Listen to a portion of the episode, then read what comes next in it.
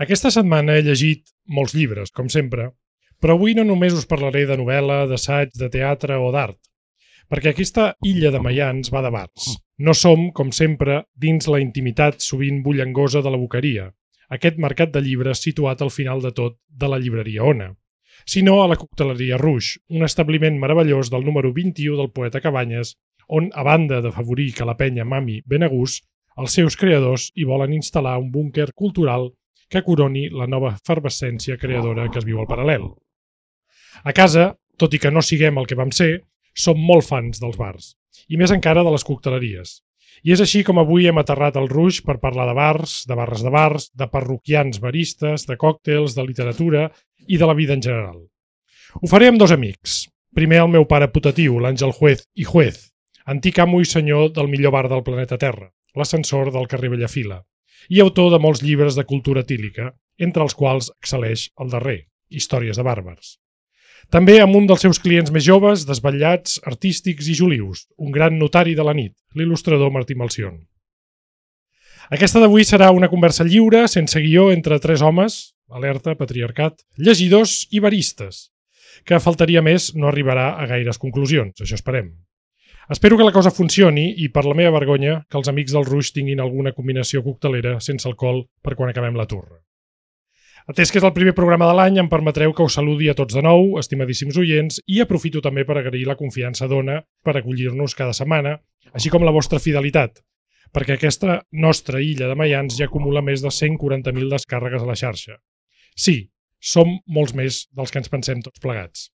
Això s'havia de celebrar i diria que som en un indret ben òptim per fer-ho. This is my island in the sun Where my people have toiled since time begun.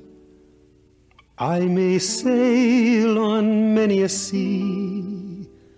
Her shores will always be home to me. Oh, island in the sun, built to me by my father's hand. All my days I will sing in praise of your forest waters, your shining sun.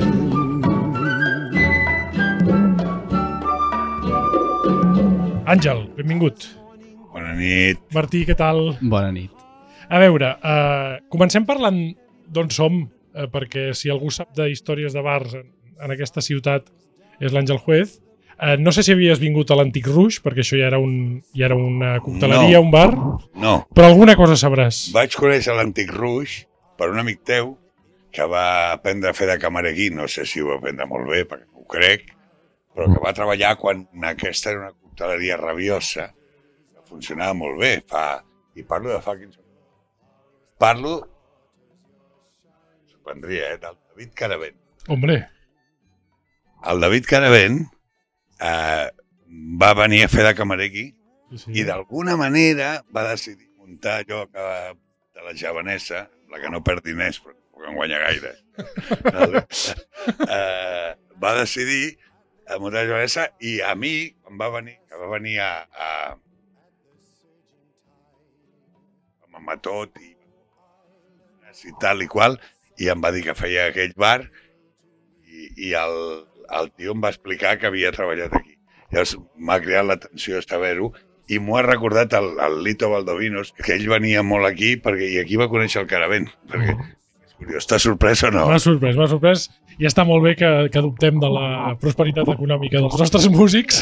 Comencem... Avui serà un espectacle, serà, anava a dir un espectacle, un, un episodi una mica més punky del que costum, i és bo que comencem també insultant, a part de la, de la nostra audiència, que és una cosa que no fem habitualment a l'illa de Mayans, El- però escolta... Sí, El sí. Caravent, el primer any, li vaig dir, fes això. Que ja li he dit al Beto, dic, aprenc cocteleria. No, que tinc moltes coses. Aprenc cocteleria. li he dit jo, per si les mosques aprèn. I amb ell li vaig dir el mateix, no ho va fer.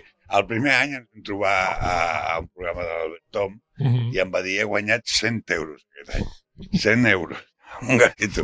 I l'altre dia vaig estar parlant amb ell perquè va venir el, el dia del, que li van donar la medalla El Cisa, El sí, el Cisa. Jaume Cisa, que després la gent va anar al Va- Cisa i va altres venir- músics van anar a l'ascensor i jo ho sabia perquè havia...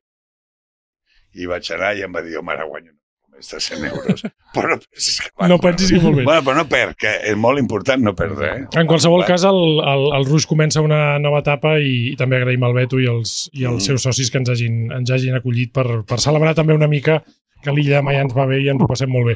Eh, Jo primer li volia preguntar al Malcion que ens eh, expliqui una mica què és l'ascensor, perquè Clar. aquest senyor el coneix molt perquè és pare de la criatura, però l'ascensor és un bar que jo diria que té molta relació amb la literatura, amb la cultura, pel seu públic, Mhm. i en el fons també molts clients eh, i mamadors l'hem estimat, o exmamadors en, en el meu cas, perquè és un bar molt literari. Eh? Sí.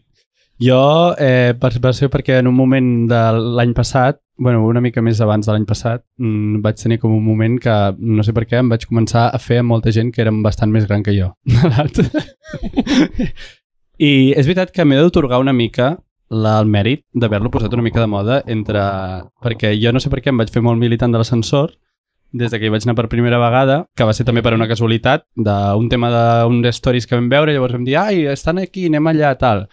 I vam anar i és veritat que jo sóc més, històricament sóc més de, de bars de, de batalla, Uh -huh. tipus pues, un poma que està allà a plaça Universitat, Ui, bars, això, bars de és dur, és dur, és dur.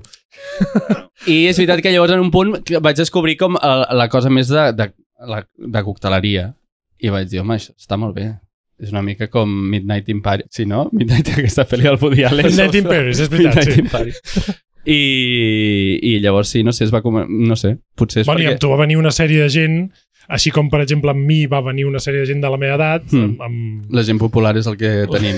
és el gent- que fem. Que... arrosseguem el bici, Arrosseguem el No, bici. la realment tampoc va ser tan mèrit meu, va ser més com que de sobte, doncs mira, va, va anar així. Vull dir, són aquestes coses que passen que de sobte mm, comences a anar més a aquest lloc, llavors ja te'l coneixes i és com Mm. més casa. Bueno, casa, al principi no era tan casa, però No, i, van i, esdevenir. i sí que és cert que, que l'ascensor és un, realment un bar molt curiós perquè és un bar molt intergeneracional, és a dir, Sí. pots trobar aquella nit que tu parlaves del Cisa, no? pots trobar el Cisa Sí. i després et pots trobar doncs, a, la, a la Juliana, pots trobar la gent Sí. una mica de la, de la teva quinta. Jo Bueno, hi ha molts, hi ha molts guiris que no... Vull dir, hi ha molta gent que tampoc coneixes. I, No, clar.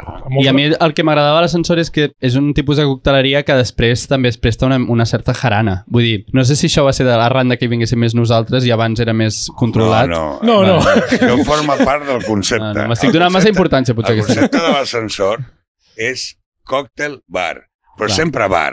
No Clar, és clar. com el Marlow, Sí, això ens agrada, o el ens Paradiso, o el Bueno, el, o o l'ideal i el tàndem. O l'ideal, el tàndem. tal. No, No. és un bar. I Sí, com sí, sí. sí. Això és la meva fórmula ideal. De I aquesta és, aquest concepte el vaig crear jo i el Xavi, que és el que porta ara l'ascensor, l'ha seguit. Sí. I és el bo, perquè quan tu fas una cocteleria corres el perill de que la gent només vagi a prendre còctels Clar. i no el consideri Que sigui avorrit una mica. I llavors és, és, és com tenir un bar a primera fila a la Barceloneta i no fer paelles, fer un bar vegano. Clar. Em semblen molt bé els bars veganos, però no el fotis a primera línia de mar perquè els guiris volen paella. Escolteu, ara? Sí, sí, no, molt bé. molt bé. Ara que ens hem, ens hem presentat als llocs, parlem de l'ascensor i parlem del Rouge, perquè jo diria que, sent establiments molt diferents, hi ha, a través del ha una voluntat de, de, de fer cultura, no? No només perquè els bars siguin llocs on es fan cultura, sinó que hi ha...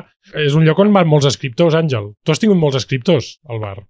L'Ateneu, el que pertanys, Sí. és un club d'escriptors. O sigui, jo vaig intentar fer cuina allà, vaig fracassar fent una meravella, eh? I vaig fracassar. Tu encara no ho sabies, allò que vam fer, la, la tastúlia, que es Sí, deia. me'n no? recordo. Llavors, eh, quan jo em vaig arruïnar l'última vegada, li explicava al Beto, ja era molt gran jo, tenia 57 o 58 anys, arruïnar-se als 58 anys amb Té mèrit. fills, no només té mèrit, sinó que és perillós, no? Llavors, jo recordo una cosa que li he dit a ell, que als 50 anys es perd la comunicació en un bar de nit. O sigui, la gent deixa de venir perquè tot el teu entorn deixa de sortir. Vale? I llavors jo et vaig conèixer a tu, vaig tenir la sort que vaig conèixer a tu, i tu vas engarçar allà una sèrie de... de... Clar, jo ja tenia... El Cisa ja era amic meu, ja saps, que era amic meu feia 40 anys, o, o el, o el Quimi Portet, per Mhm. dir alguna cosa. Són gent de la meva generació. El Quimi Portet i el Músics, Manolo- músics, però també superbons escriptors, perquè són lletristes tremendo, el eh? Quimi Portet Però el passar. sí, però el Cisa el sí. Cisa sí, el home, el Cisa, si fos tan bon tan bon eh, poeta com persona seria l'hòstia. l'hòstia seria. El Cisa va néixer aquí amb aquest carrer, Sí, com el Serrat. a la, sí. perdona, a la porta per porta amb el Serrat. És molt fort, eh? És molt fort. Llavors, clar, tota aquesta... Eh, jo em recordo xerrades amb tu, recordo quan el Caravent et va fer aquell programa del, de BTV. Sí, la nit a la dir, terra, deia. Jo no, no entenc més de música que el Bernat, perquè jo he anat amb tu a concerts i m'he donat compte de, de la teva capacitat intel·lectual que jo no tinc. El que jo tinc són més anys Mhm. i, i més experiència, no? I llavors allà vam enganxar la teva frescura del moment amb la meva experiència. I llavors vam girar un bar cultural que després es va multiplicar perquè al final de la teva època feies de Sòcrates, t'ho dic jo a tu. O sigui, tu t'assentaves a aquella taula il·legal que teníem a fora. Que, Il·legal, absolutament que no il·legal. Ah, que ja no hi és. Que ja no hi és. desaparegut. Tot, tot lo bo, tot lo bo se'n va. Tot Culpa bo dels comunistes. Sí. I allà tenies tots els jovenets, com ara, sí, com ara ell, que no, gairebé no el conec, escoltant-te, no? Llavors, allà Bueno, va haver bueno. el canvi. D'aquella- No, D'aquella manera. Perdona, allà es va produir el canvi generacional. O jo considero això. i O sigui, jo sóc l'emblema del canvi generacional. No, tu ets algun No, emblema. ell és... és eh, He de dir que a tot això fa bastant que no hi el vaig. Gelida, no vas al Gelida, tu? Sí, sí, sí, molt. El, el, El quan Gelida. jo vaig conèixer el Bernat, el Bernat anava al Via Veneto, vale?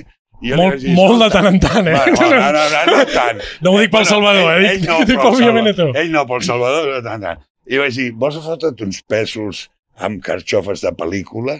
I vés al Gelida, i vaig dir. Clar.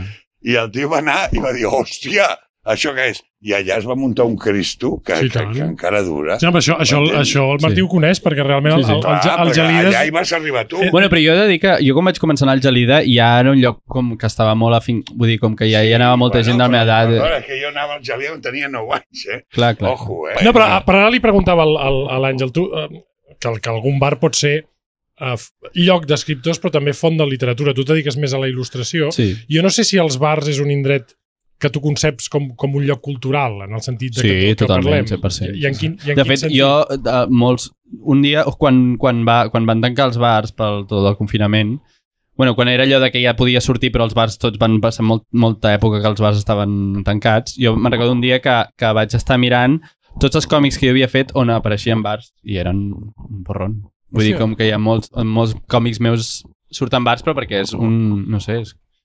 I són bars de batalla? És a dir, els, els que surten a la, a la Normal- teva obra? Sí, sí, sí, són bars Ja- de ja hem batalla. de són parlar bars de de la teva batalla. obra? Sí, sí, sí. Però és una font d'inspiració. 100%, Val. òbviament, clar, Jo clar, he clar. conegut tota la meva vida. A l'ascensor, Sí, sí, sí. abans de que vosaltres els conegueu, no tu, sinó el Bernat, Mhm.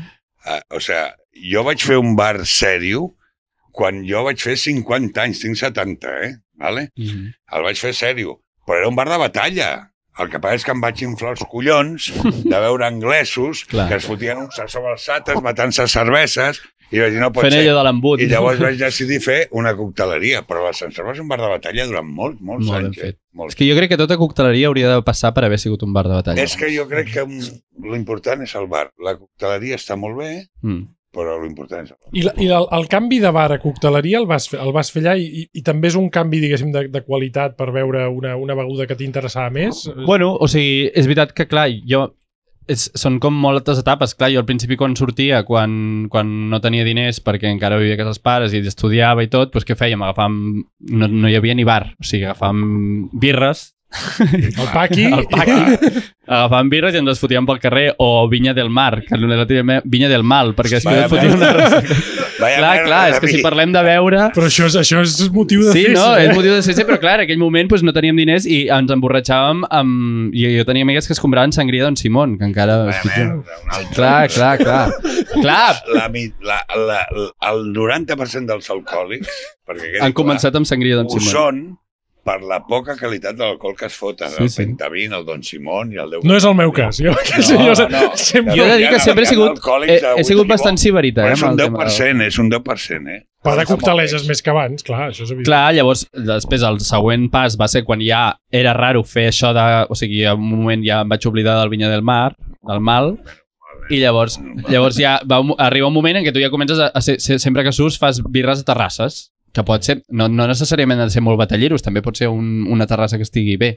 Sí. I després ja llavors el següent step quan descobreixes els còctels i, i tot això, que també està molt bé. Mhm. El que passa és que, clar, quan tu fas un còctel també és un altre plantejament. Jo hi ha un moment en què si tu vols fer una nit amb més de jaraneta, doncs et fas uns còctels, de- potser un gin tònic i tal, i hi ha un punt que pots dir que si estic tota la nit fent-me còctels, arribaré a casa amb 100 euros No menys. pots, no, no, només has de- això. Has d'anar tirant de birra, has d'anar tirant de gin tònic No. més barat.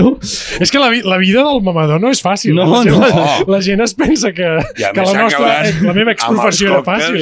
Amb els còctels No, eh? acabareu amb el cap com un timbal. Clar, no no. t'oblidis mai d'això. Per què Eh? ho dius, això? Home, doncs perquè és una mescla. És eh, públic i notori que mesclar és dolent per la salut de les persones. Totalment. No, no, vol dir que no hi hagin jabatos que siguin capaços de fotre-s'ho tu entre ells al seu moment. No? Al seu moment. Però Sí, sí. la veritat Una- una- és que una- una lo- atlètic. lo- el que s'ha de fer, si l'endemà s'ha de treballar, Sí, és no mesclar. clar. I No, si l'endemà s'ha de treballar, jo ja no surto de mescla. Escolta, Àngel, tu, tu has escrit moltes històries de, de bars de Barcelona. El, el bar on estem, és a dir, la- vaja, la- l'auge de cocteleries que ara hi ha a Barcelona, entre les quals hi ha les millors cocteleries del món, té, Sí. té, la, té la seva història. És a dir, el món del còctel ha canviat moltíssim a Barcelona. Ara és una qüestió pràcticament de disseny. Explica'ns una mica...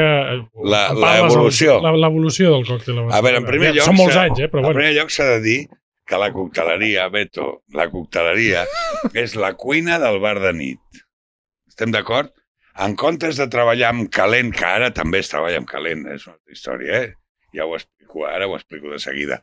Es treballa amb fred, amb gel, però és la cuina del bar de nit, és a dir, és una sèrie de combinacions per aconseguir un gust agradable.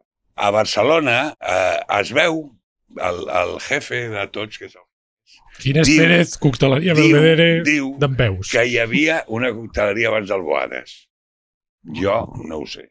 Jo vaig conèixer les cocteleries de quan jo era molt jove, el Marfil, el, el Victoris, el eh, parlo d'unes quantes. No sé mai amants del còctel, però sí dels coctelers, perquè eren gent amb molt bona tècnica i que estava molt bé. A, la, al, a, a Barcelona sempre hi ha hagut bons còctels, però estaven dedicats, serà, seré dur ara, eh? amb cos i ànima a l'extrema dreta. És a dir, a la policia franquista i, els, i les seves conseqüències, per exemple, el Marfil o el Victory. I després hi havia gent com el pare del Oller, Gili de l'Oller, em sap greu que s'hagi mort, eh? Però que, Això que sempre, era un- sempre sap era greu. un home que era, era un defensor de, de manguis eh, petits Uh -huh. que anava al Víctor i, i feia allà... O sigui, hi havia gent amb molta cultura, però poca. La majoria eren gent d'extrema dreta. De fet, el Ginés va agafar fins als collons de tota aquesta penya i per això va fer un restaurant, diguem-ne, amb còctels. Eh? Llavors, aquestes cocteleries eh, van ser eren minoritàries a Barcelona. Llavors va haver un espavilat, molt espavilat, el més espavilat de tots, que es diu Javier de las Muelas, que es va treure de la màniga el rotllo de fer cocteleries clàssiques, però sent jove, el Javier és de la meva edat, eh? Sí. un, un any més jove que jo encara. Eh? Llavors, ell va muntar el Gimlet, i després l'altre Gimlet, després el Nicabana, Uh -huh. i allà eh, va tornar a posar com de moda el tema de la cocteleria que havia quedat eh, en desús. No, no del tot. Hi havia, hi havia el, el Pablo, que tenia el Pablo Sella al carrer del Camp, el Ginés... Bueno, el Ginés, de fet, va ser el director del, del Nick Habana, Sí, el primer. sí, sí. Eh? Llavors... Eh, Però vols dir que era una cosa vetusta, que era una cosa de gent més aviat... Bueno, és eh, que va quedar en desús... Sòrdida. Amb, jo crec, en part crec jo, que era pel tema de, del, de l'extrema dreta, de la policia, els periodistes de no sé què... El, això el Ginés t'ho explicaria millor, però, però de fet eren, eren... Bueno, és una mica el que tu explicaves fa uns anys de l'ideal, que eren quatre Sí. alcohòlics que es gastava ja 400 euros cada tarda i Amanat. i no? donaven de menjar, donaven de menjar a la gent. Sí, aquells senyors amb americanes arriba de, un pana, moment, pesades. arriba un Sí. moment que arriben, que arriben el Rebordosa, el. Rebordosa i el Lito, que són gent que no tenen ni puta idea, però són intel·ligents, ho entens? I els tios agafen la confiteria, que jo els vaig veure treballar i feien pena, i són amics meus, eh? Sí. Ima- Imagina't, Però imagina't si no ho fossin. L'Enric té molta gràcia i l'Enric comença i fitxa un world class. Un world class és eh, un cocteler que guanya el concurs de la Diageo. Coctelero, quédate con la pel·lícula, eh? I llavors, eh, el, el tio... Eh, clar, què passa? Que hi ha tot un moviment arreu del món, sobretot a Londres, Sí. eh, vale? arreu del món, que eh, comencen a fer... O sigui, el Joao, que és un dels primers, el Joao és un tio que va treballar al Dai Martini, que el de les mueles el vol matar, que ara està a Màlaga, eh? que és el que fa la carta del, del Mut, Sí. del Mutis, del Mutis, Del, no del Mut. del pis de dalt, sí. Llavors em diu, Ángel, necesito un C3. Digo, ¿para qué coño quieres un C3 tú? Dice, para hacer lo que no hace nadie. T'estic parlant de fa uns 10 anys, eh? O 12, potser, eh? Perquè comencen a experimentar amb productes, a utilitzar-los a la cuina per aconseguir sabors especials. Uh -huh. I això és el que fan tots ara, i el, la, la, el màxim exponent és el, el nostre germà i fill putatiu meu, el Pinoti, que ho fa sense, sense donar-se-les de res, però que té un local on es passa el dia bullint coses. Sí, sí. Per... Llavors, entra aquesta nova cocteleria que ve una mica de Londres, d'Amèrica, de, de, de, de, de Chicago, d'una sèrie de llocs del món, eh, que jo he conegut, a gent que ha donat les voltes. I llavors, jo interpreto això com la cocteleria moderna, Sí. que és la que ara s'ha endolgat a l'aigua en quant a una cosa que es diu comunicació. És a dir, la gent a l'Estravinsky fa cua, o al Paradiso, Sí. fa cua abans de començar, Sí, sí. no? I, I tu vas allà, l'última vegada vaig anar al Monk, que és l'últim que vam muntar, sí. me'n recordo que el Lito em diu, prova això, és un Negroni, és de puta mare i tal. I jo, que no veig gaire bé, eh?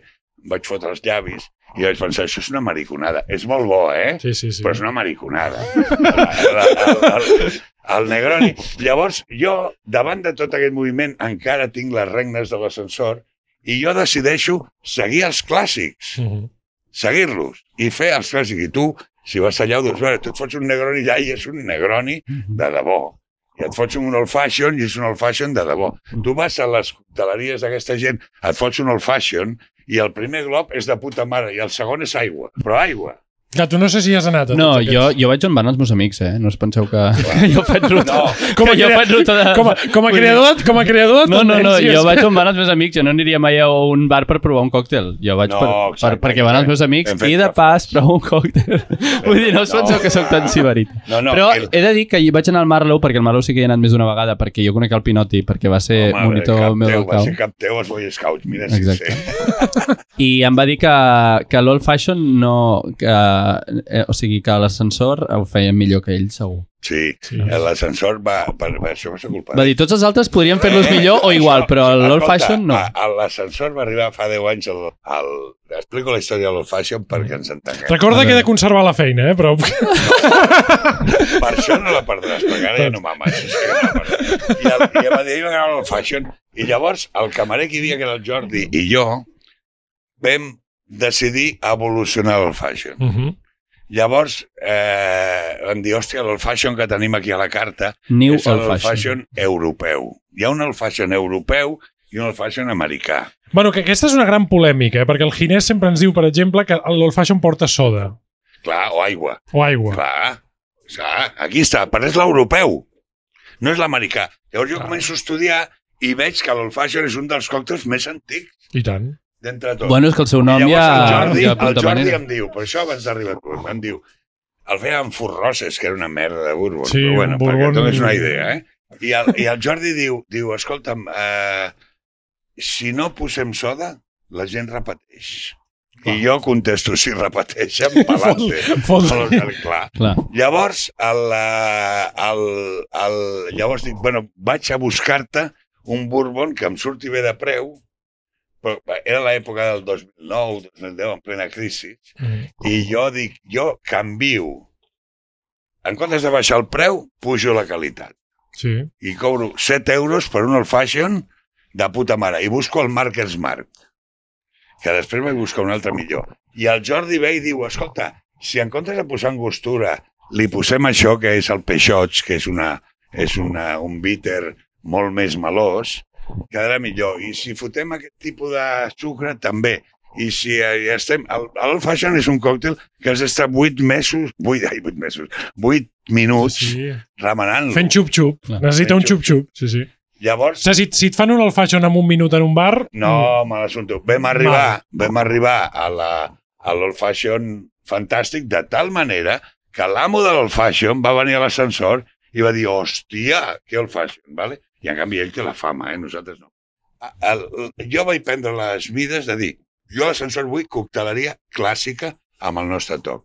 I això és el que és l'ascensor i, el Xavi- bé, i el Xavi ho ha mantingut. Eh? Tu, tu el fashioneges? El, No, no, no, el- és que jo, estava, jo crec que... Mm, és que això, està, estic quedant És com un dur, impostor, eh, aquí, però crec, crec que mai he provat un old fashion. És dur, Això fashion. és- això és no? que gravíssim, Això és gravíssim. Més, més aviat gin toniqueges. No, jo, o sigui, jo, jo en No. realitat he provat bastants còctels a, a l'ascensor, Mm. però és veritat que l'old fashion no... És que a mi m'agrada molt la ginebra i tot el, eh, tot el que no és ginebra no... Els mules, per tant, no? Sí, sí, sí, he anat més per aquí, he anat més per aquí. I això he de dir que jo tampoc... És que jo ja us dic, o sigui, que Fem sembla... uns Un... grans còctels amb ginebra, eh? El gimlet... Jo el... com a usuari de l'ascensor, ok, però com a usuari d'altres cocteleries no dono la talla, però...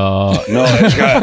Però vull dir que sí que sí, les, algunes vegades que he provat un, un Gin Fizz o un London Mule o coses així fora de l'ascensor, mai m'han agradat tant com l'ascensor.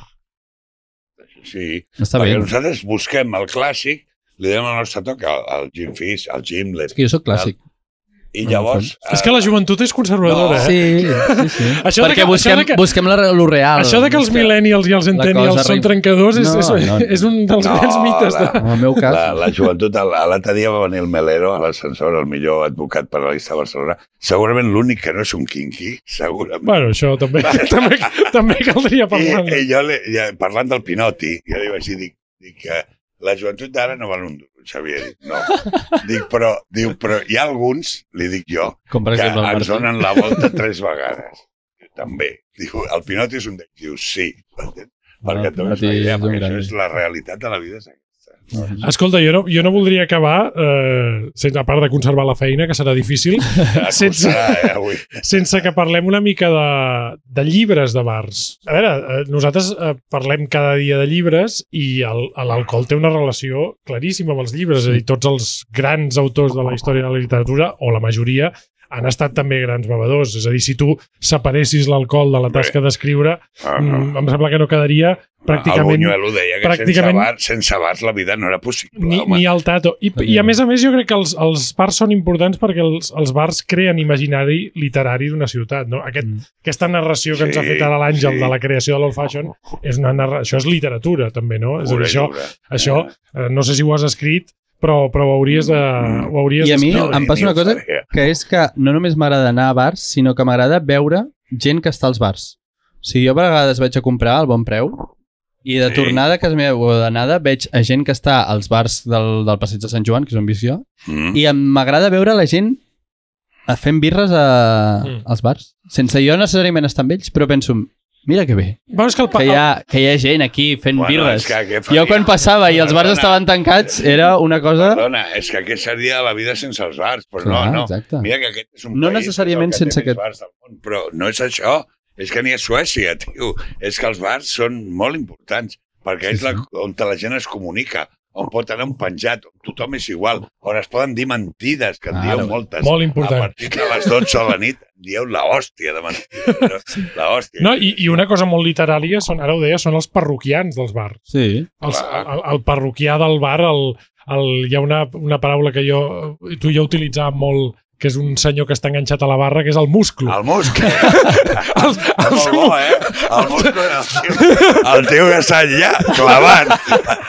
És bastant bona imatge. Sí. Doncs el, molt bo, clar, el, el musclo és una gran, una gran... Jo crec que la, la barra del rus hauria, hauria de dir-se la barra dels musclos. Els No? divendres, els divendres deu ser-ho, clar. No, i, la, i, el, i el parroquià és un, és un personatge literari. Els llibres de bars tenen un problema, i jo n'he escrit quatre, eh? Tenen un problema, que és, eh, eh, és una qüestió majoritària, això dels bars, no? Una cosa que tindria que funcionar. El problema és que la gent de l'hostaleria no llegeix. Clar. O sigui, jo faig les històries de bàrbars Clar. i venc més entre la gent que ve de l'Ateneu que no passa als cambrers. Anem malament, ho entens o no? I aquesta és la puta realitat. La gent d'hostaleria no llegeix, és s'han fet grans llibres de bars, però tu vas a buscar, no et trobes. Has d'anar a buscar a quatre tios, però de culte, però no com les pel·lícules del cel. Una mica. Sí, però, per exemple, a la, a la literatura nord-americana, la literatura anglesa, els bars són, hosti, són, No. són una font d'inspiració Però claríssima. borratxos, Sí, sí. que se't ve, per la negra, tots estan en un bar, tots fan... És, És que com a font d'inspiració... Va, perdona que t'ho digui ell, però sí, ell és, és, és, és il·lustrador. és sí, il·lustrador. eh, Ho té. abans, de, abans de que la intel·ligència artificial se'l mengi, sí. abans, el, el, tio, el tio va als bars perquè allà és on te diu hòstia, aquí... Pues sí, sí. I moltes idees se m'han acudit a o no, fent birres. home, és Sí. que és així. Jo dic fent birres directament. Eh, que la vida sense alcohol és impossible. T'ho juro. T'ho és- juro, és- sí, sí, és tal no, qual. té, no, no hi ha... El que passa és que els bars, concretament de nit, s'ha de dir que tenen una franja d'edat. Volia acabar el, uh, aquest podcast d'avui uh, acomiadant-me de l'audiència perquè ens faran fora. No, no, al contrari. No! Al contrari, recomanant-vos que llegiu aquest, aquest Històries de Bàrbars de, de, de l'Àngel. Te'l regalaré, perquè em sembla que no el tens. Vale. Ara mateix li regalen un amb ell a Bernardo. Va, Em, em, vo- em, vo- em bueno, volen... tinc un altre, tinc un altre. te'n donaré. Sí, sí, l'Àngel és dealer. Sempre, No, sempre, té, dealer, bueno. sempre té... Sempre té... Però si no te'l portaria demà, eh? No, Doncs... no el, el, aquests llibres només es poden comprar a l'ascensor. El Xavi me'ls ven, la setmana passada me'n va vendre Hòstia, no dos. sabia aquesta faceta l'ascensor d'editorials d'ascensor. Sí, eh? sí, sí, no bueno, fem... això només aquest, eh? Aquest el vaig fent com a... Doncs jo us, us, us recomano molt que, que llegiu a, aquest llibre, que aneu als bars, perquè els bars formen part de la cultura del nostre país, indiscernibles de la cultura del nostre país, i que vingueu al Rouge, uh, que és un lloc que uh, tu tens mirada gràfica, el podríem descriure una mica, perquè jo per això sóc molt maldestre. Vermell. Sí. No, no, no! Com que no és vermell? Bordeus! Ah, conyo, vale. És No, mo, eh, no sé, és que és la segona vegada que vinc. L'he de, de mirar més. Té una bola, té una bola... no Té una té- bola de... té que... una- Tens que per ballar. Això Sí, sí, no, no, és un, lloc, és un lloc que molt crida a diversió. Doncs, doncs, Que et serveixi. Doncs Vale. veniu, veniu al Rouge i balleu i com que aquesta illa és la segona de la història que la fem en públic, l'acabem certificant que hi ha gent aquí i per tant aplaudiu-vos. Moltes gràcies, Àngel i Martí. Gràcies.